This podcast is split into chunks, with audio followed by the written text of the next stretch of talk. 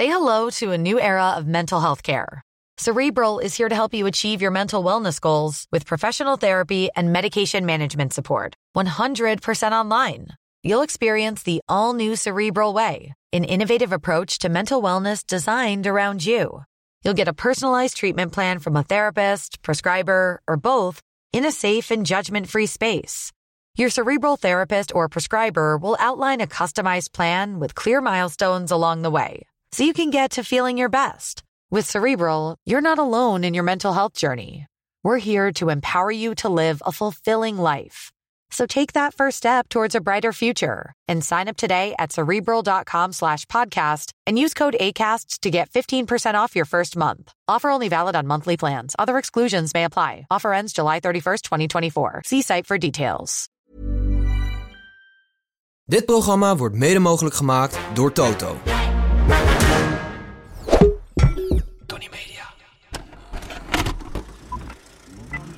Johan Cruijff. En de goal van Van Hanegem. De vrije trap is voor Hansen. Ja! Hansen met de hak! Dames en heren, hij is sinds 1994 bij PSV. Ronald Koeman. Dat was even de misser. Ronald Waterer. Hallo allemaal en welkom terug bij weer een nieuwe aflevering van het Eredivisie Erfgoed Elftal. Nog steeds zijn wij de podcast waarin we het allervetste Eredivisie Elftal ooit aan het scouten zijn. Elke donderdag trekt één van ons, vandaag ben ik het, de hele lange digitale regenjas aan, duikt in het verleden van de Eredivisie en presenteert de luisteraars en de drie mannen aan tafel een scoutingsrapport van een speler die volgens mij in dit geval niet mag Ik zit in de vaste formatie van de derde helft met Tim, Snijboon en Pepijn. En die drie hebben allemaal al een rechter centrale verdediger voorgedragen. En vandaag is het mijn beurt om het kwartet rechter centrale verdedigers te completeren. Daarna hebben we het lot van de basisspeler in het handen gelegd van de kijkers, luisteraars en volgers. Want die kunnen namelijk in ieder geval via Instagram op een polletje stemmen wie van de vier rechter centrale verdedigers een basisplek verdient in het Eredivisie erfgoed elftal. De afleveringen zien er altijd hetzelfde uit. We beginnen met de titel van het scoutingsrapport. Daarna het verhaal van de speler, een beetje achtergrond waarom je hem in dit geval gekozen hebt. Je weet het nooit. En daarna hebben we de plussen, minnen en de rol in het elftal. Um, en ze beginnen vandaag met de titel van het scoutingsrapport. En... Maar moeten we even een kleine round-up doen van wat we tot nu toe hebben? Gijs? Dus Ja, we dat hebben mag. Ronald Koeman, Ja. Franklin Edmundo Rijkaard en Frans Paijmans. Ja. Dat zijn toch? De, de, de heilige drie worden ze wel genoemd.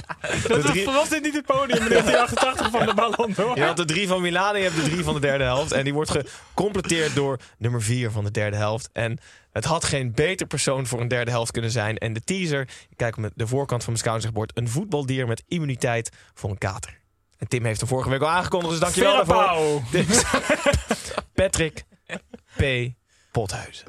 Hij mag niet ontbreken. Het spelerspaspoort is ook... Is het Patrick P. Pothuizen? Ja, ja. PPP. Ja, hij heet Patrick Patrick. Zijn eerste en tweede naam zijn hetzelfde. Kwadraat, toch? Zijn derde naam is Pothuis en zijn achternaam is Pothuis.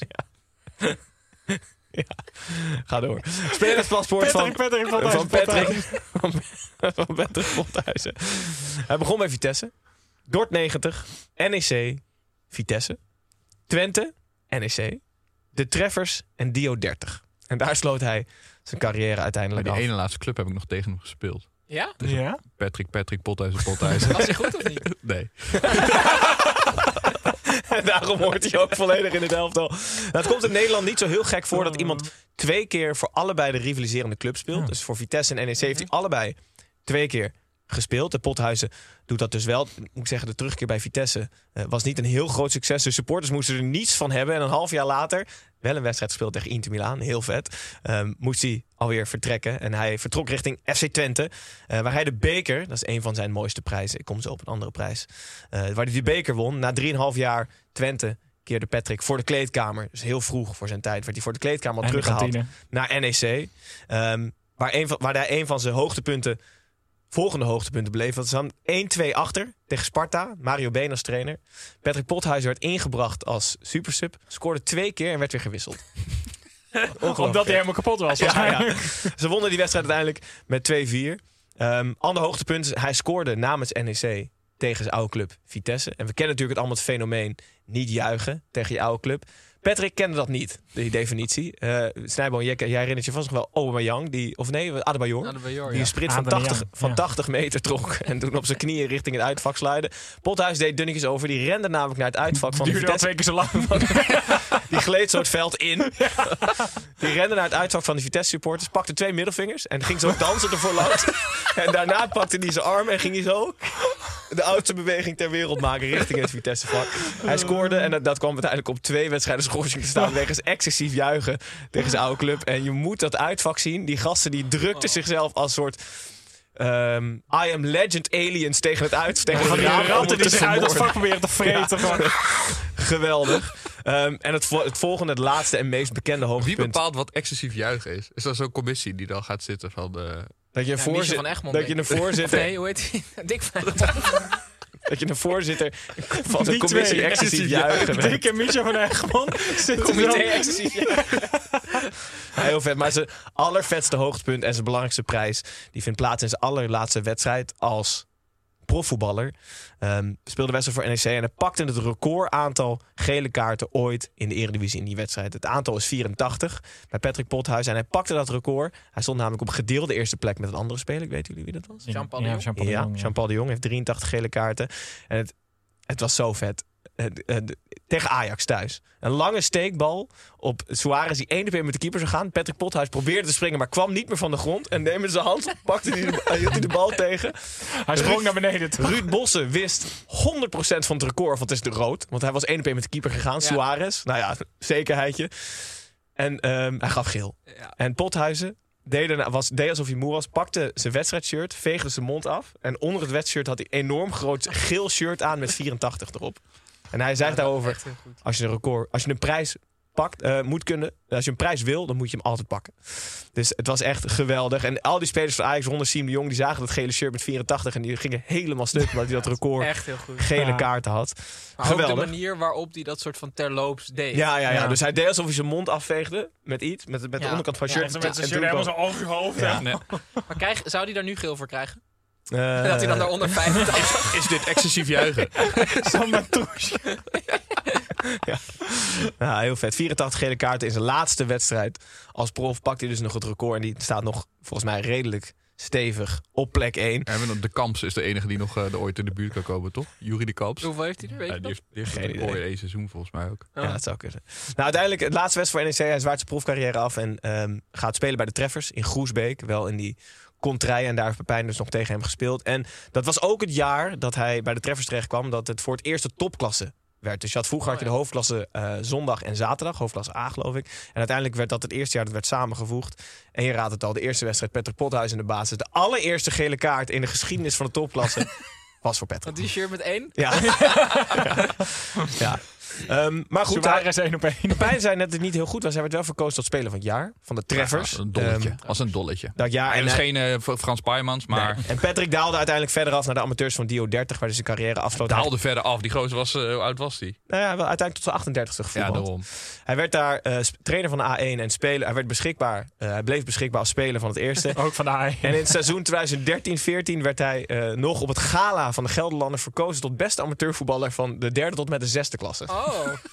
Dus dat was een mooie prijs die hij ook nog ehm binnensteekt. Nou, dat was allemaal binnen de lijnen. Ja, buiten de lijnen was het eigenlijk minstens zo geniaal wat Patrick eh, gepresteerd heeft. Een kleurrijk figuur. Ehm, en ik heb begrepen uit anekdotes van het, de spelerscarrière van Patrick Pothuis. En het is echt classic. ehm, Classic trainingskampverhalen vooral. Dus bijvoorbeeld, hij ging altijd op maandagavond stappen in Amsterdam. Eh, en ik quote hem. Dan kwam ik wel eens om 7 uur 's ochtends thuis. En om 10 uur moesten we alweer trainen. Geen probleem. Ik zorgde altijd dat ik voorop liep. Alleen de eerste, 50, alleen de eerste vijf minuten waren kut. Daarna voelde hij helemaal als nieuw. Twee, eh, trainingspakken. Eh, op trainingskamp moest iedereen een trainingspak aan bij NEC. Hij met ehm, nog iemand anders, volgens mij, ja, Marcel Koning, droegen altijd normale kleding onder de trainingspak. Dus zodra ze op de kamer gingen, ging het als een soort stripper, ging dat trainingspak uit. En hadden ze, gingen ze via de regenpijp naar beneden en gingen ze de stad in. Hij zegt van elk trainingskamp van zeven dagen waren er vijf op stap. Geweldig. Ik heb Ehm, het idee dat dit echt zo allemaal jaren 90, eh, 2000... Dat, elke, dat elk team vijf Ja. van deze Ja. spelers had en dat Ja. dat nu gewoon niet meer zo is. Ja, Dus heb jij nog die bijnaam ook? Eh, Komt hij nog voorbij of niet? Die bijnaam? Ja, maar Marcel Koning en Patrick Ja, ja, ja, die komt zo. Die komt zo, die komt zo. ja, ja. Samen met, eh, uiteindelijk samen met Jack de Gier en Marcel Koning ehm, gingen ze op trainingskamp. En eh, instrueerden zij de obers van het hotel altijd... dat in de ruil voor een paar wedstrijdshirts... elke keer zijn cola bestelden, werd het rumcola voor die drie. dat was ook echt geweldig. Een goede deal, zegt hij daarover. Maar goed, geniale en klassieke voetbalverhalen van binnen en buiten de lijnen. Maar de mooiste was... Patrick Pothuis met Marcel Koning. En Patrick Pothuis, jullie kennen hem misschien met kort haar. Maar hij, is, hij heeft heel lang een paardenstaart gehad. Ja. Dus hij kreeg de bijnaam samen met, ehm, met Marcel Koning de Alpenzusjes. Werden ze genoemd met z'n tweeën.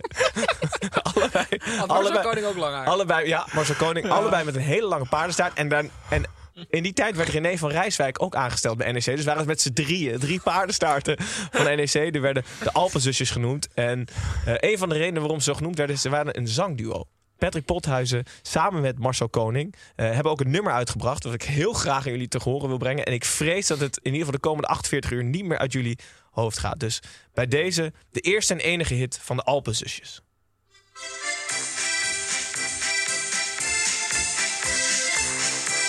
Luister vooral naar de tekst.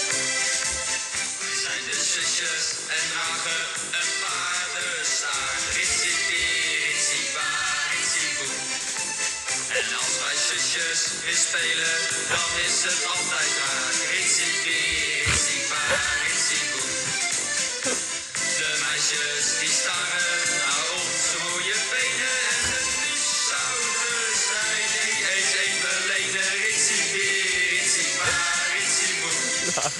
Geweldig, hè? Ik, wo- Gaat ik woon een tijdje op een vakantiepark op dit moment, dus ik ga hier heel erg lekker Ja. op. Dit is mijn Oh, muziek. ja. Ja, Kun geweldig. je mij Nou, goed. sturen? Ja, dat ga ik zeker doen. Die komt wel in je Discover Weekly volgende week, joh. Nou, ik dacht dat ik het hierbij gelaten had, maar ik kwam nog een blog tegen die ik jullie niet wil onthouden. De blog van De Trouwe Honden. Wij laten ons niet melkkorven. Dat is een groep, groep NEC-supporters die spelers en oudspelers interviewt. En Pat Pothuizen werd ook geïnterviewd. Is de naam van het blog is... De Trouwe Honden. Wij Ja. laten ons niet melkkorven is de subtitel. Oh, Oh ja. Dus eh, je, je verwacht hele gestrekte benenstellingen. Nou, dat gebeurde ook wel. Eh, en hij werd met de, de klassieke vragen... eh, wanneer was je voor het laatst dronken? Patrick antwoordde erop. Wil je het echt weten? Deze week nog. maar ook eh, best wel filosofisch. Er werd een vraag gesteld... ehm, volgens mij wanneer hij een keer bang is geweest. En toen zei hij... ik heb twee keer magere hein aan mijn bed gehad. Een geestverschijning van een lange man met een rode muts en een kromme neus. En in beide gevallen overleed twee dagen later iemand uit mijn directe omgeving. Daarna zegt hij... toch doet het me niet geloven in een leven na de dood. Maar eh, Magerijn heeft dus een rode muts. Dat wist ik helemaal niet. En wat voor Rode- neus? Kromme neus. Een kommer Het was niet Sinterklaas? nee, hij verward. Hij ver- 5 december is voor hem altijd magerijn. Rode muts. Goed, en hij is eh, tot redelijk recent... heeft hij de officiële titel als cultheld aller tijden van NEC is hij verkozen. Dus hij mocht in dit elftal zeker niet ontbreken als rechter centrale verdediger. Eh, de plussen is, hij is de perfecte leider voor de derde helft. Ja. En de minnen, hij wil nog wel eens een kaartje pakken. Maar als rol in het elftal wil ik hem heel graag bombarderen tot aanvoerder. Pet Pothuizen. Oh. Met Best been erin. Pothuizen. Ja. Pet, pet, pot, pot, pot. Ja, geniaal. De hij, hij mocht echt niet ontbreken. Nee.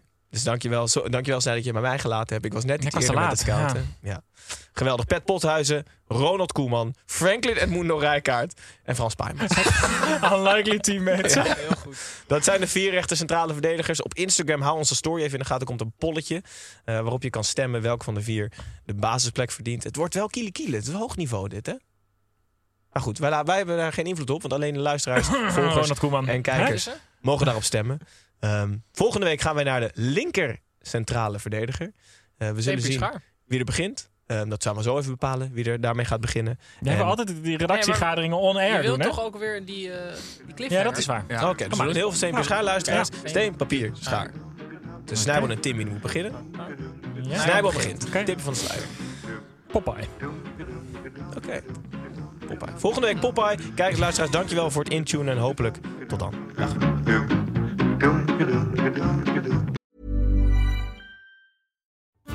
Hallo lieve podcastgasten, ik ben Julius Jaspers. In mijn podcast neem ik jullie mee naar mijn favoriete plek in huis, de voorraadkast. Iedere week haal ik er één product uit en zal jullie daar in een paar minuten tijd alles over vertellen. Zoek in je favoriete podcast-app naar Julius Voorraadkast. Kast met een K, want uit een kast met een C kun je niet eten.